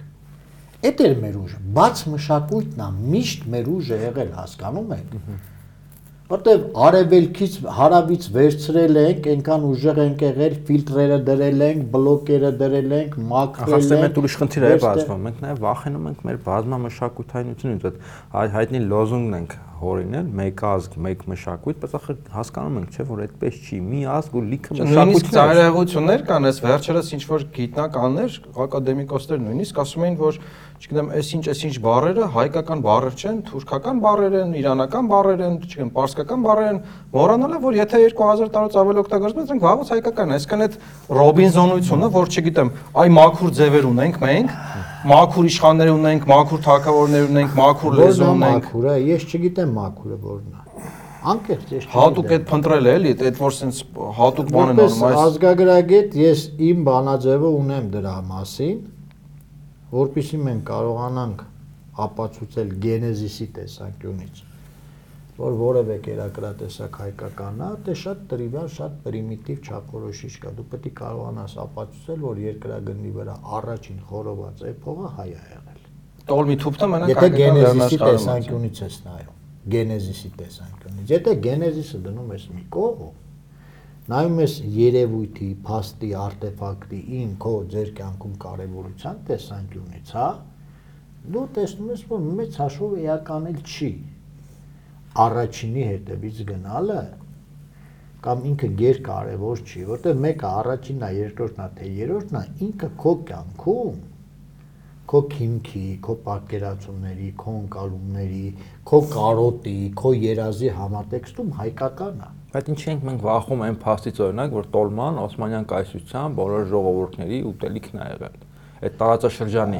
Ասեմ ինչ։ Ինչի ենք վախենում այն փաստից, որ դա թուրքական ծագումով բառ է։ բախում, որովհետև մենք ցավոք սրտի Թերաժեկության բարդույթ Թուրքական ծագումով բառ է։ բարդույթը ինչից է գալիս։ Այ հիմա նոր նորից խոսում ենք, չէ, հայոց պատմության, Հայաստանի պատմության դասագրքերի մասին։ Իսկ մենք ինչ ենք սովորացնում կրթական համակարգում մեր երեխեքին։ Մենք իրեն սովորացնում ենք մշակույթով ուժեղ լինել։ Մենք իրեն սովորեցնում ենք, որ մշակույթը, իրենց մշակույթն, որում ես լավ կամ վատ չեմ ասում, այս դեպքում, որտեղ բոլոր մշակույթներն Նոր են անալների, անալների դպրոցը հիշեցիք եւ նրանց ազդեցությունը, ախր մշակույթ, եզրույթի ընկալումն էլ է ախր ը, շատ բազմազան, որովհետեւ այդ 20-րդ դարի երկրորդ կեսից որ նայում ես, մշակույթ ասելով ամենևին էլ նկատի չունեն այն ինչ որ մենք ենք հիմա ընկալում։ Մենք մշակույթ ասելով նկատի ունենք, չգիտեմ, մեր գաղ- մագաղատները, մեր գիրը, բայց մենք ը, իրանքը կարող են ընկալել մշակույթ, դա պետական կարգի ուսումնասիրությունը, մարդկային կյանքի դե առօրյա որպես ազգագրագետ եմ խոսում։ Ես որպես ազգագրագետ եմ խոսում։ Իմ ընկալումը Այսինքն մշակույթը մենակ այդ սիմֆոնիաները, օպերաները եւ դրանք չէ։ հակառակ ծայրահեղությունը կա, երբ որ գերմանական դպրոցի Իհարկե։ այ այն թե այս տաղավարը մենք ինչպես ենք ձևավորում, ոնց ենք նստում, լսանում ոնց ենք նստում, ինչ ենք ուտում, ինչպես ենք ուտում, դա մշակույթ է։ Այսինքն լայն ընկալման դեպքում դու այդ անալների դպրոցի տրամաբանությամբ որ գնում ես ու մարդուն դնում ես, դե վախերը դուրս են գալիս։ Վախերը դուրս են գալիս, որտեղ դու վախենալու բան չունես, հասկանում ես, դու այստեղ օքեյ, մենք դնում ենք պետականության խնդիրը, մենք ասում ենք այ պետականությունը ընդհատվել է, բայց պետականության ընդհատումը դեռ չի նշանակում հայկականության ընդհատումը։ Իհարկե։ Որտեղ պետականության ընդհատման պայմաններում նույնիսկ կլինի դա թուրքական տիրապետությունը, կլինի պարսկական տիրապետությունը, բարձր հայքի գյուղում մարդը ապրել է, մարդը գնացել է եկեղեցին մոմավառել, ժամերգության է մասնակցել, պատարակի է մասնակցել, որպես չգրված օրենք իմացել է, որ երեխայի ծնվելուց հետո 2 կամ 3 օր անց ինքը պիտի տանի այդ երեխային մկրդի, ինքը իմացել է իր հանգուցալին երբ պիտի թաղի, ինքը անգիր իմացել է որտեղ է գյուղի գերեզմանոցում իր տոհմի գերեզմանոցի կտորը, ինքը իր հետ իր նման 100 հազարավորների կամ տասնյակ հազարավորների հետ գնացել է Սուրբ Կարապետ ուխտագնացության ու դրանից մեծ հաշվով իր բաժին, իր պատկերացրած, իր ընկալած հայկականությունը հետո էտել ամիր։ Այդ մենք ենք հորինել էլի։ Հասկանում ես, այդ հետո գիտնականները նստեցին լիքը տես բաներ հորինեցին։ Դո ինքը հայկականության խնդիր չի էլ ունեցել։ Ծնվել է, ապրել է, իր առօրյան է եղել։ իր մտածել այդ հարցի մասին։ Ինքը ամենևին չի էլ մտածել։ Իսկ ինչից է Ենթադրեմ, գալի, որ- այդ առաջավորած սպասը ինքը որ նշում է այդ առաջավորած պահ կա, չգիտեմ ինքը սպասա պահել շատ բաներ չի իմացել։ Իրա գյուղի հոգևորականը շատ դեպքերում գրագետ բավարար չի եղել, որ իրան ինչ որ բաներ բացատրի, չէ, բայց իրա տատիկը, իրա պապիկը, իրա մերը իրան այդ ամբողջ ինֆորմացիան փոխանցել են այդ մշակութային տեքստերը, մշակութային ինքը շարունակ Այդ պատմաբանները ախր այդ միտումը ունեցել են 19-րդ դարից առնվազն սկսած, ինչ որ արհեստական պարիսպներ առաջացնեն։ Ես իմ հետազոտման շրջանն եմ նայում 13-րդ 13-րդ դարը փոքր Ասիա թերակղզին, չգիտեմ, ինչ որ արհեստական կա, չէ, իսլամական քաղաքակրթություն, Բյուզանդիա, կաթոլիկ, բայց որ նայում ես ախր այդ անջրպետերը արհեստական են ձևավորված։ Բոլորը ապրում են իրար մեջ։ հա- Հաճախ այդ սահմանագծերը չեն երևում։ Նույն դեր ասածն է դուրս գալիս։ բաններ ով էր Շանդոր Պետեֆին էր, կարծեմ մի հատ sense լավ քարատող ուներ, հիմա դեն շատ անգլիս չեմ հիշում, բայց բովանդակությունը մոտավորապես այսպեսին էր, որ ես եթե ուզեմ կարող եմ միշտ լավ բանաստեղծություններ գրել, ը, բայց գրաքննադատները մեղք են, իրանք էլ ընտանիք են պահում, ու ես երբեմն երբեմն բան բանաստեղծություններ Այդ պարսպները կան էլի, Հա, պարոն Գաբրիել։ հական, ինչի կան։ Եղբայր մարդ է, Պատմաբաններն են օրինակ։ գիտությամբ զբաղվող մարդը պետք է սաման դնի, չէ՞ որ կարողանա գիտությամբ զբաղվել։ Ուզի չուզի պետք է դնի։ Հիմա բոլոր պատմագիտական դպրոցները այդ սամանները Ուզում ունեն։ Մեր խնդիրը ո՞րն է։ Մեր խնդիրը այն է, որ այդ անտեր մարքսիստական պատմագրությունը մեր պատմագիտության տունը քանդեց։ Ես չեմ ասում խորհրդային պատմագիտությունը վատն է, ելի եմ ասում, ես չեմ ուզում դիրքավորվել որպես պատմաբան։ Որպես մարդ, ով ժամանակին պատմության ֆակուլտետում սովորել է, ես կարող եմ ասել, որ որպես ուսանող ես կարդացել եմ խորհրդային պատմաբանների տասնյակ եւ հարյուրավոր հրաշալի աշխատություններ։ Միջնադարին վերաբերող, վաղ միջնադարին վերաբերող եւ այսպես շարունակ։ Բայց այն ինչը մենք ունեինք, մինչև այդ իդեմս Թուրքիայում գործող մեր մտավորականների, Ռուսաստանի մեր մտավորականների, Վենետիկի, Վիեննայի մխիթարյանների եւ այլն եւ այլն դա լրիվ ուրիշ թրիչք էր, հասկանում եք, դա քաղաքակրթական Ներողություն ձեզ արձագանքեմ։ Անկախ նրանից թե ոնց էին սովետի ժամանակ գրում պատմություն, բայց հսկայական աղբյուրագիտական աշխատանք են արել։ Հիմա ի՞նչն է խանգարում անկախ Հայաստանի պատմաբաններին իրանց այդ աղբյուրների հիմքի վրա նոր նոր նոր պատմագիտություն ստեղծել։ գրդոնը, կարպիս, գրդոնն էր։ Այդ այդ ալարկոտությունը, որ պարոն Գաբրիելյանը նշեց, նաև էլի, այդ բայց բանը կար։ Օրինակ ինտելեկտուալ պատմություն ասվածը վաղուց արևմուտքում գոնը շատ տարածված է, չէ՞։ ու երբ որ դուք խոսում եք այդ պատմության փիլիսոփայությունից, հա, պատմության այդ քաղաքակրթական ընկալումից, թե մենք ինչ ենք ուզում որպես ժողովուրդ, որպես ազգ, որպես պետություն, չգիտեմ, ինչ ենք ուզում պատմությունից, այդ այդ նաև պետքա բան է, այսինքն ոնց որ ինտելեկտուալ պատմություն դուք պիտի հասկանաս, թե չգիտեմ, քո այդ եկեղեցական էլիտան, քաղաքական էլիտան, տնտեսական էլիտան, կուսակցական էլիտան, թե կուզեք, վերջի վերջո ինչ են ուզե իրանք այսինքն պետությունը վերջի վերջո ինքնանպատակ չի պետությունը վերջի վերջո ինքնանպատակ չի պետությունը ազգ պետությունը մանավանդ ինքը միջոց է պահպանելու համար այսինքն ազգը պահպանելու համար դրա համար էլ այդ nation nation state-ը ազգ պետություն են անում էլի այդ ինտելեկտուալ պատմությունը չկա ու բայց բաներ կան այսինքն քիչ շատ հետազոտությունները օրինակ 19-րդ դարի վերջ 20-րդ դարի այդ չգիտեմ հրապարակախոսություններում մեղվում մշակում բան ինչ որ բանավեճերից բաներից այդ տես բաներ կան բայց որ- որպես այդպեսին ինտելեկտուալ պատմություն չկա, այսինքն կան բուհական դասագրքեր, կան դպրոցական դասագրքեր, կան ինչ որ առանձին հետազոտություններ, բայց այդ ինտելեկտուալ պատմությունը չկա, որ գոնե տեղից փորձենք ինչ որ բաներ հանել, էլ այսինքն ստացվում է, որ հայ ազգը կամ ունեցել է պետություն, կամ, չգիտեմ, անդադ ավստամբելա պայքարը պետություն ունենալու համար, բայց թե այդ process-ները ոնց են խմորվել։ չգիտեմ, էլիտան հասարակ ժողովրդի հետ ոնց է շփվել, ինչ կոպիտ ասած կանալներով հակադրություններ եղել են թե չէ, ով ինչ պրոյեկտներ ա ունեցել, Մենք միշտ ասում ենք մարդիկ նեղանում են, որ օրինակ 21-րդ դարի մարդու եւ միջնադարի մարդու հայրենիքի ընկալումը այլ է։ Միջնադարի մարդու կամ իշխանի համար հայրենիքը իր կալվածքն է։ Բայց այդտեղ ինչ կան եղան։ Դա մարդիկ նեղանում են, Բայց խեն։ որովհետեւ իրանք մերժում են հայի կամ հայու, հիմա ոնց նորաձև Հայու, ասել, փոփոխականությունը պատմության ժամանակի մեջ։ Իրանք մերժում են մեր հարևան Թուրքի փոփոխ փոփոխականությունը, այսինքն քարացած կատեգորիաների հետ գործ ունենք։ Չէ, քարացած կատեգորիաներից պետք է պետքա վերանալ այդ մարդկանց հետ։ Անդադ ասում են վերադառնանք մեր արմատներին, ասում ես որտեղ են մեր արմատները, 18-րդ դար, 17-րդ դար։ 1630 թվականին sense մի հատ հիպոթետիկ իրավիճակ են պատկերացնում։ Էրզրումի կամ Կարինի շուկայում մի հրաշքով հանդիպում է Արցախում բնակվող հայը, Շիրակում բնակվող հայը, Բարձր հայքի բարբառով խոսող հայը, բան վասպուրականից եկած խոսող հայը։ Գրական արևմտահայերենը չկա, եկեք պատկերացնենք, թե այս մարդկանց փոխադարձ խոսքի քանի տոկոսն է իրար հասկանալի։ Եթե գրափար գիտեն, կարող է գրափարով բարիշան։ Գրափար չգիտեն։ Դա չեն հասկանում։ Որտեղից իմանա։ բարբառով։ Չէ, Խոսում են իրանց բարբառով։ Գրագետ չէ, Արցախցին Արցախի բարբարով է խոսում, բարձր հայկցին իր բարբարով է խոսում, այն մեկն էլ իր Իսկ մա բարբարով։ իրանք իրար չէին էլ Քանի նկատի։ տոկոսն է փոխադարձաբար։ Հանդիպման եզր չէին ունենա, որ հանդիպեին։ Սա ակնհայտ իրողությունա, չէ։ Ասենք որևէ պատմաբան, որևէ ազգագրագետ, որևէ Արցախցի Շիրակցու կողքով կանցնել Հա, այնպես, ոնց որ հույնի հա, կողքով հա, անցնել։ Որևէ լեզվաբան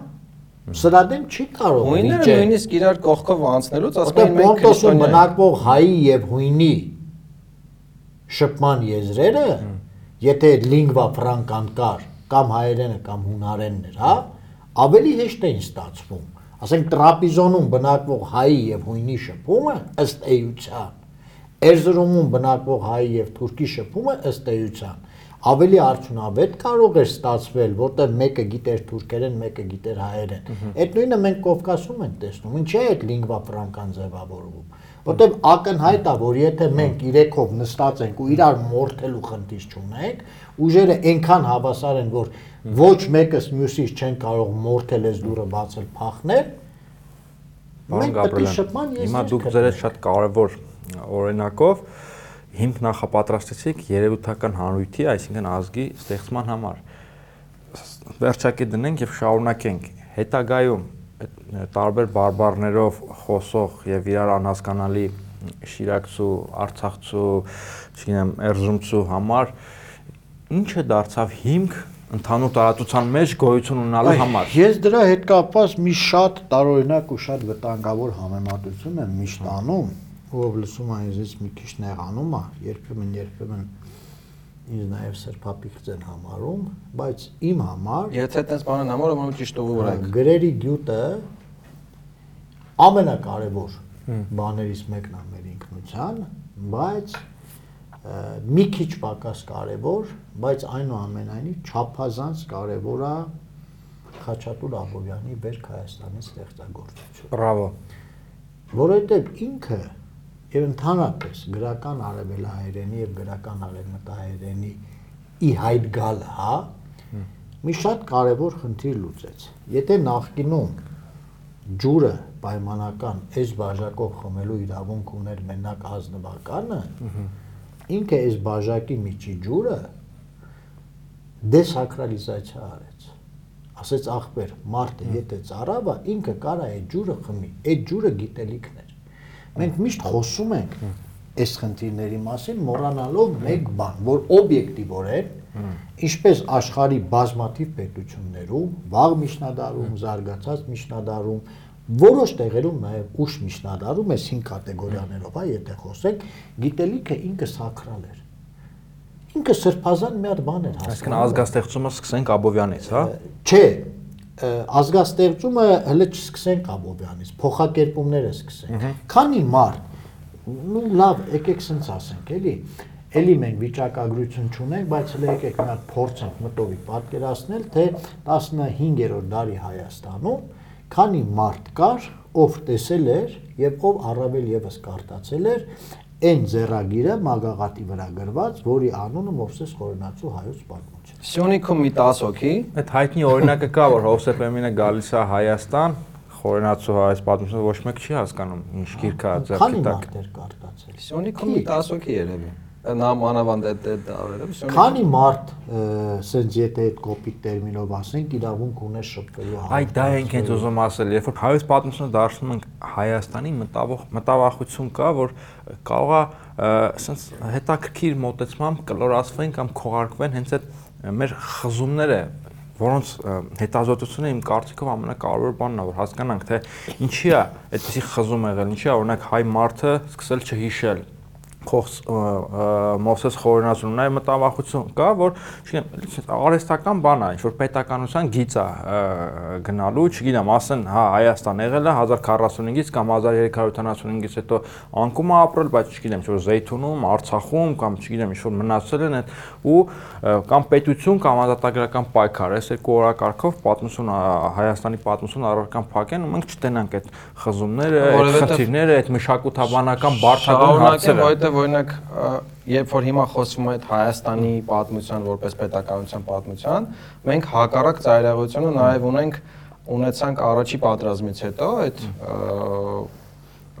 երիցս արդեն քննարկված Բաբկեն Արասյանի մեկի Ալեքսանդր Իսկանդարյանի հոդվածը, հա, Հայոց պատմության Ղարաբաղիզացիան, որտեղ էլ ու մենակ իրանց մոտ չէ, այսինքն բանում էլ կար, այսինքն գիտական հարույթում եկա, նույնիսկ եթե չեմ սխալվում, Հրաչիկ Սիմոնյանը քարատոր բաներ գրել, չէ, այդ ազատ ագրական պայքարի պատմություն։ Մյուս ծայրահեղությունն էլ գալիս է ոնց որ էլի ոնց որ պետականության լոգիկա, այսինքն կամ չգիտեմ, կամ պետություն ենք ունեցել, կամ անդադ ազատագրական պայքար ա եղել, այսինքն չգիտեմ, ինչ որ տենց այդ ադապտացիայի փուլերը Բայց ախր տենշի չէ։ Իրոք տենշի ախր։ շատ ծև ու սպիտակ է դառնում, էլի կամ պետություն ես ունեցել, կամ ազատագրական Չի պայքար։ կարա տենց լինի։ Չի կարա, հասկանում եք, ես մարդ եմ, ով գնում ուսումնասիրում է, ենթադրենք, հիմա 6-7 տարի ես աշխատել եմ ու մի հատ գիրք եմ տպել Ախալցխայի շրջանի հայկական հայաբնակ հայկական փոքր գյուղերից մեկի պատմությունն է։ Երբ որ ես ասում եմ, որ այդ գիրքը 720 էջ է, ընդ որում այդքան դարձել է, որտեղ ես կրճատել եմ, որտեղ ինքը 1100 էջ է եղել։ Բոլորը զարմանում են, թե ոնց կարա նորմալ մարդը մի գյուղի մասին 720 էջանոց գիրք գրի։ Հասկանում ես, բայց այդ յուղի պատմությունը արվի, գետի, ջրի, սարի, թփի, սար գնալու, եկեղեցում մկրտվելու, գյուղամիջում իրար հետ վիճելու, իրար անուն կպցնելու, բանակ ճամփելու, բանակից դիմավորելու պատմությունն է։ Հիմա եթե միկրո պատմությունն է, մեր մակրո պատմությունը, հա, եթե մենք ուզում ենք ինքը իրականում լինի ը, մարդաբանական, մշակութաբանական, ինքը պիտի այսպեսին լինի։ Ես չեմ ասում, որ մենք կկարողանանք վերականգնել այն օրնանքը, որ շշնջում էր Վարդան Մամիկոնյանի մայրը, երբ իր տղային բանակ էր ճանապարհում։ Հա? Կամ մենք չենք կարող ասել, արդյոք ինքը վախենում էր եւ արդյոք մտքում ասում էր ջահանդամ է այս պատերազմը, տղես այդ պատերազմից հետ չի գա։ եթե Վարդանը վճարեր 8 միլիոն դրամ, իշքան։ Հա, բայց եթե մենք գոնե թե դա որպես ենթադրություն որպես ենթադրություն ուղղակի կարողանանք ինչ որ ձևով դնել այդ նարատիվի մեջ, պատմությունը մի քիչ ավելի մարդկային դեմքով ու ավելի բազմադեմ դարձնել։ Եթե մելի ասում մարդը բացակայում է, հայ մարդը չկա։ Մարդ մենակ մարդը չի բացակայում։ Դու հայոց պատմության բուհական դասագրքով ես սովորել, դու էլ չէ, քանի նկար ու քանի քարտեզ կա այդտեղ։ Չկա։ Ոնց կարելի է օբյեկտիվորեն ամեն ինչից վերանում։ Մենք վիզուալ հայոց պատմություն չունենք։ գրել 700-800 էջանոց դասագիրք առանց մի քարտեզի։ Այսինքն մենք գրում ենք հայոց եւ Հայաստանի մասին առանց Որը ուսանողի, որից մի 200 էջը մեծ հայքի ա- բաժանումն առանց ուսանողին ասելու թե այդ վիզուալ Հայաստանը ո՞րն է։ Ոնց կարելի է Ո՞րն է։ աշխարհացույցի մասին 100 էջ Ո՞րն գրել է այդ առանց կարտեզ։ հայկական լեռնաշխարհը։ Ո՞րն է ուսանողը 20 տարեկան երեխեն ենթադրենք, որ ուզում է գնալ այդ հայկական լեռնաշխարհը ազատագրել ու ինքը լեռնագրություն չգիտի, ինքը լեռնագրություն չի սովորում։ Ինքը չգիտի, որ լեռնանցքով մտնի կռիվ սկսի, որտեղ է բուքը ճամփեկը փակում, որտեղ է հեշտ անցնել, այդ գիտելիքը կիրառական տեսանկյունից։ Զրո է, իսկ այսօր ամբողջ աշխարհում նաև պատմագիտական գիտելիքը հատկապես եթե մենք խոսում ենք հանրակրթության եւ բուհական կրթության մասին, ինքը արժեքավոր է այնքանով, որքանով ինքը կիրառական է աշխարհում վաղուց այլևս ոչ մի կայացած երկիր գիտելիքը ինքնանպատակ բան չի համարում։ Ինքը փող է դնում, որպեսի արդյունք ստանա։ Տեսեք, կներեք, մենք այդքան խոսում ենք հատկապես արևմտյան հասարակությունների տարբեր վարակների ու ախտերի մասին, չէ՞։ Անառողջ հասարակություններ են, փչացած հասարակություններ են, հիվանդ հասարակություններ են, տգետ հասարակություններ են եւ այլն։ Այդ միֆերը շատ են Հա, տարածված։ Մեկը ինձ կարա բացատրի, թե այդ ո՞նց է լինում, էլի, որ այդ բոլոր տիպի ախտերով վարակված հասարակություններում պատմության, պետության, մշակույթի, մարդու հանդեպ հարգանքը եւ հարգալից վերաբերմունքը ավելի նվաշ չի, քան մեր հասարակությունում, այ եթե չասեմ ավելի բարձր։ Կրթությունը այդ խնդիրը լուծում է։ եւ կրթության միջոցով է այդ խնդիրը լուծում այսինքն այնտեղ դպրոցական կրթության մակարդակում դպրոցականը սովորում է հարգել այն միջավայրը, որտեղ ինքը ապրում է։ Հետո արդեն ինչ որ մի փուլից սկսած կյանքի այդ միջավայրի անունը դնում են հայրենիք, այդ միջավայրի անունը դնում են պետություն, այդ միջավայրի անունը դնում են հանրապետություն, այդ միջավայրի անունը դնում են միապետություն, բայց վերաբերմունքն է ի վերջո, որ բերում է բովանդակության։ Մենք ինչ ենք անում։ Մենք չենք չափել։ Ես չգիտեմ 11 տարեկան աղջկա ուղեղը, որտեղ ես կարող եմ նաև չիմանալ, հա, այդ բարդ տեքստը հայոց պատմության արդյոք ունակ անցալել։ Հետո ո՞նց է մասը։ Հետո մի հատ էլ այդ նոր դասագրքում իմ կողմից շատ հարգված Սմբատ Հովանեսյանը Եվանջան Թագավորին մեղադրում է պակաս պետականամետ լինելու մեջ, բայց ախր մարդու համար առաջնային դա ցեղի շարն է։ Ես չգիտեմ էլի, ախր էդ էլ է բան, էլի պետական մի բան է այսօրվա մեր պատկերացումը մի բան է 500 տարի առաջվա պատկերացումը։ Այդ արհեստական ենք ուզում այդ ամեն ինչը անենք։ Հա, Արհեստական։ Չենք ուզում լուրջ գործ անել։ Գործ ամենը անելը ամենաբարդ բանն է։ տափակաբանություններով պատմության առարկան ռոպագանդայի վերածելով քաղաքացի չես կերտել, էլի։ Հիվանդ մարդ կաղա դարձնես, անել մեծ մասին չէ հետաքրքրելու։ Եկեք մի բան ընդունենք։ Կամ կարող հակառակը դժվար Չէ, չէ, եկեք մի բան, եկեք ի սկզբանե ընդունենք, որ այնպես չի որ մենք հիմա այնքան լավ վիճակում ենք, որ մեզ պիտի հիվանդացնեն, եկեք անկեղծ ենք։ Մեր ո- մենք ողբերգական Արդեն հիվանդ ենք, ինչպես կասեր Միգայել Աճապայանը։ Հա, մենք ողբերգական վիճակում ենք։ Ընդ որում այսօր չի, երեք չի, որ մենք հայտնվել ենք այդ ողբերգական իրավիճակում։ Էլի առիթ եղել է այս մասին խոսել։ Մեր բոլոր խնդիրների մի հիմնական մասը սկսվեց այն ժամանակ, երբ մենք չկարողացանք ու շատ է խոսում այդ մասին, հաղթանակի մարտի դաշտում հաղթանակի սոցիալական եւ քաղաքական կապիտալիզացիայի հարցը լուծել։ Մեր խնդիրների մի հիմնական մասը գալիս է այդտեղից։ Այ այստեղ ես ցավով պիտի արձանագրեմ, որ ես նախանձում եմ եւ Ադրբեջանին եւ Ալիևին։ Որտեւ այդ մարտիկ կարողացան նույնիսկ պարտության, ինչը անհամեմատ ավելի բարդ է,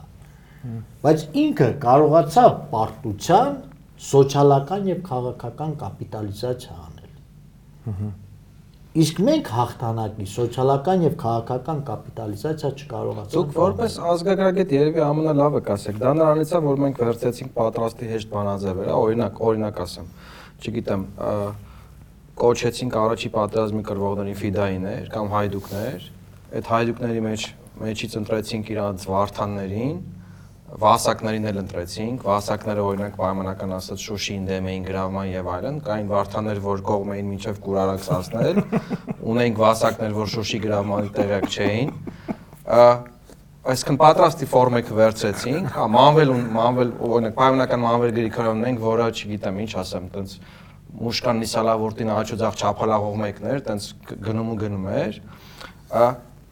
այդ պատրաստի բանը շաբլոնը վերցրեցինք, հանեցինք պետությունը որպես օրգանիզմ, որը պատրաստ էր վարում, ու դրա արդյունքում, քանի որ այդ հեշտ բանաձև վերցրեցինք, հայտնի բանաձև վերցրեցինք,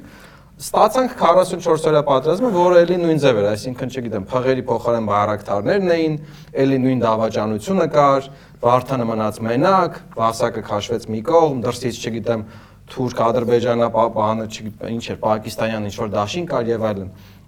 Խեմ ասում ես, այդ հեշտ բանաձևերից լուծում կա, որովհետև այդպես մարդիկ ոնց են առօրյամ ապրում։ Չգիտեմ, եթե պապը կոշկակար է եղել, հերը կոշկակար է եղել, ամենահավանագծա ինքն է կոշկակար լինի, որովհետև այդպես, չգիտեմ, հեշտ է, է կամ բժիշկ ամնատարածացի եթե չեմ սխալվում, բժիշկների մոտ է, չէ՞, ամենաբանը, որ այդպես սերնդեսերուն շարունակում է որպես փակ կորպորացիա էլի այդ ինչից բայց դրան զուգահեռ օրինակ ունենք խորհրդային փորձառությունը որտեղ օրինակ բանվոր դասակարգը ամեն ինչ անում էր որ իրանց երեխեքը դուրս գան այդ դասակարգից չգիտեմ բարձրագույն կրթություն ստանան գրի կոպիտ ասած գրիչով փող աշխատեն եւ այլն հատկապես գյուղերում, չէ՞, ու նաև քաղաքներում այդ բանը կար։ Բայց մենք ոնց որ դրան զուգահեռ այդ անընդհատ այդ հետ փախուստը դեպի պատրաստի բանաձևեր, դեպի պատրաստի լուծումներ, կրեատիվից զուրկ, չգիտեմ, կրեատիվից դուրս այդ ազգային նկարագիրը ինչա, չգիտեմ, թե հեշտ լուծումը ուղղակի ռեսուրս չեն ուզում դնել դրա Եկեք վրա։ ազգին հանգիստ թողնենք։ Բժիշկները ասում են, որ ամենադժվար բանը թմրամոլին, հարբեցողին, չէ, հարկադիր բուժման տանելն է։ Մարդու համար առավել եւս մեր երևի թե վերջին բոլոր տարիների բոլոր քաղաքական գործիչների համար, չգիտեմ, ես դեպք չեմ հիշում։ Ամենադժվար բանը խոստովանելն է, որ ինքը սխալ է։ Որ ինքը սխալվել է։ Դա բոլոր դաշտերի պրոֆանացիայից է գալիս։ Պատմաբանի համար ինչի այսօր, տեսեք, ինչի մենք այսօր պատմություններ եթե հանգիստ թողնենք, լայն առումով ինչի մենք այսօր բանավեճի մշակույթ չունենք։ Որտեղ մենք կոմպրոմիսի մշակույթ չունենք։ Բանավեճը դա կոմպրոմիս է։ Կամ պիտի վասա կլնես կամ վարդան։ Արանքում ոչ մի բան չկա։ Սովորես, որ եթե մեքենա ես վարում, է թարթիչ միացնես, անկախ նրանից ինչ մեքենա ես վարում եւ ինչ նպատակով, ու նույնիսկ եթե տաքսի ես վարում, ես պարտադիր չի որ երրորդ գծից առած թարթիչ միացնելու քեզ գծես առաջինից, Հիմա մեր իրականությունը այդ իրականությունը։ Նաև էգոիստ հասարակություն ենք ելել, թքած Այդ իրա նույնիսկ, նույնիսկ ես կարծում եմ, ես անկես կարող եմ խոստովանել իմ համար միշտ դիսկոմֆորտ է լինում, երբ որ ինձ որևէ հաղորդման են հրավիրում, ինձ երկու մարդ պետք է լինի։ Մեր համար միշտ այդ կոմպրոմիսի գնալը երբ չէ չէ հյուրերից երբ ոնց որ կուրսը տնգնի էլի եթե մի հոգի եկա չէ չէ միշտ բարդ է այդ մենք չգիտես ինչի դարձվել ենք մենք այդպեսինը չենք եղել մենք դարձվել ենք sense մոնոլոգների հասարակություն մեր հացկերույթի սեղաններն էլ որ նայում ես երրորդ բաժակից հետո բոլորը մոռանում են որ սեղանին թամադա կա բոլորը մոռանում են որ իրանք այդ թամադայի ընտրվելու կենացը խմել են բոլորը մոռանում են որ այդ թամադային ասում են ասել են բարով կառավարես Այսինքն ինքը զիջելա չէ կամավոր իշխանությունն այդ թամադային դու ասել ես բարով կառավարես այդ նշանակում է որ դու կառավարվող ես բայց հետո երրորդ բաժակից հետո թամադանովա, կառավարողնովա, կառավարվողնովա։ Թամադանը թամադայի մեր։ Բայց այդտեղ էլ այդ մասկուլինությունն է դառնում fake որտեվ ասենք եթե մասնակցել եք վրացական կամ հյուսիս կովկասյան հացկերույթի, ընդ կանոնները մինչև հիմա պահում են։ Եթե թամադայի կենացի ժամանակ ենթադրենք դաղստանյան կամ կաբարդայական միջավայրում ու հատկապես եթե լուրջ սեղանա, մենք մի քիչ շատ խոսենք, ինքը կապ չունի հյուր ենք, հյուր չենք, վզներիցս կբռնի սեղանից դուրս կշպրտի, որտեղ կանոնը կանոնը կանոն Իսկ մենք այդ մոնոլոգի պայմաններում նույնիսկ մեր որոշած կանոնները չենք հարվում։ Բայց ելի եմ ասում, ստե պատճառը շատ կարևոր է, պետք չի ամեն ինչ դուրս գրել են սովետի բրիգադիրների նման ազգի վրա։ Ազգը ստե մեղք չունի։ Ազգը մեղք չունի։ Ախր սենց նայեք, մտավորականությունը, մտավորականությունը հայոյում է ազգ, ճիշտ է իշխանությունը հայոյում է, հələ ազգը հայոյում է, ընդդիմությունը հայոյում է, վերևից հայոյում են, ներքևից հայոյում են, ոչ մեկը ոչ մի բան չի անում, ամեն ինչի մեղավորը ազգն է։ Իդեպ հա, դրա հետ կապված մի հատ հարց տամ, ինձ թվում է կորնալ է միանում հարցից։ Երբ որ մենք ասում ենք Թարգիլա եւ մեր լոզունգը դա ենք վերցրել, ո՞նց եք վերաբերում դրան մեր անվանը։ Ինչը թարգել։ Լաոիզմը, էլի, լաոիզմը այդ որ մի քիչ ոնց որ մի քիչ ժողովրդավար ես, մի քիչ ավտորիտար ես, մի քիչ դեմոկրատ ես, մի քիչ թամադա ես, բայց մի երրորդ բաժակից թամադային դնում ես մի կողմ ոնց որ մեկ-մեկ թարթիչը վարում ես, մեկ-մեկ չէ։ Ինքը հա, որպես բանաձև օքեյ է, բայց լավ կլինի որ դուք ասեք ոնց։ Չէ, դուք չասեք, ես սխալ ասի։ Լավ կլինի որ անդադ մենք մտածենք թե ոնց։ Որտեվ իրականում ես էլի եմ ասում, մեզ անկեղծությունը պակասում է ամեն քայլափոխի մենք դա տեսնում ենք։ Ամեն քայլափոխի մեր խնդիրը այդ անկեղծությունն է։ Իսկ անկեղծությունը խիզախությունից է գալիս։ Չէ։ Անկեղծության պակասը։ Գիտես, անկեղծությունը ես առաջ չի երիկում, թե դուխը չի երիկում։ Մտածեի, բանան է, անկեղծությունը գալիս է իրականում կրթվածության պակասից։ Կրթությունը ամենակարևոր բանն է։ Մենք դա չենք կարևորում, բայց կրթությունը ամենակարևոր բանն է իսկ մարդը չի վախենում շփտալ։ դե, Մենք եվրոպացիների վրա ծիծաղում ենք, չէ, sense բան, ասում ենք ամբաղ, զամբաղ խնդում են։ Այդ մարդը այդ մարդու համար կոմֆորտ է, ինքը ինքը եթե կիրթել չի, ինքը նայում է, ասեն կարպիսի ին վրա, չգիտեմ, գորի վրա, ինքը մեր մեջ սև, արաբ, պարսիկ, թուրք չի տեսնում, էլի, այդ առումով շատ կներեք, այդ եվրոպական պոֆիգիզմը ինքը նաև լավ բան է, ինքը մարդ է տեսնում, էլի, ասենք, որտեղ կյանքից հաճույք է վրացիները ստանում։ այդեն սիկիր չի Հա, բան։ հա, հա, չէ, ինքը կյանքից հաճույք է ստանում։ Հասկանում ես, այդ մարդը ապրելու իր բանաձևը ունի։ Ունչի է իրան կոմֆորտ այդ բանաձևի մեջ, որտեղ պետության մասին են պատկերացումները, որ դպրոցում իրան սովորացրել են, ճիշտ պատկերացումներ են։ Այսինքն ինքը գիտի, որ եթե ինքը գնացել է ընտրության, ընտրել է X քաղաքական ուժին, վաղը մյուս օր եթե X քաղաքական ուժին ասի, որ մխիթարի պահվածք ինձ խանգարում է, այդ X քաղաքական ուժը մխիթարի հարցերը լուծելու է։ Դեպորտ անելու,